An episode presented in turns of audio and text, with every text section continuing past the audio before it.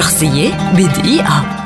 ولد المطرب والممثل المصري عبد الحليم حافظ عام 1929 ولقبه الأشهر العندليب الأسمر أول الأعمال الغنائية التي قدمها على المسرح كانت أغنية صافيني مرة عام 1952 التي رفضها الجمهور بشدة وقتها لأنها كانت تشكل نمطا جديدا لم يكن مألوفا. قبل أن يعيد غناءها وتحقق نجاحا ساحقا فيما بعد لتشكل انطلاقة حليم الحقيقية.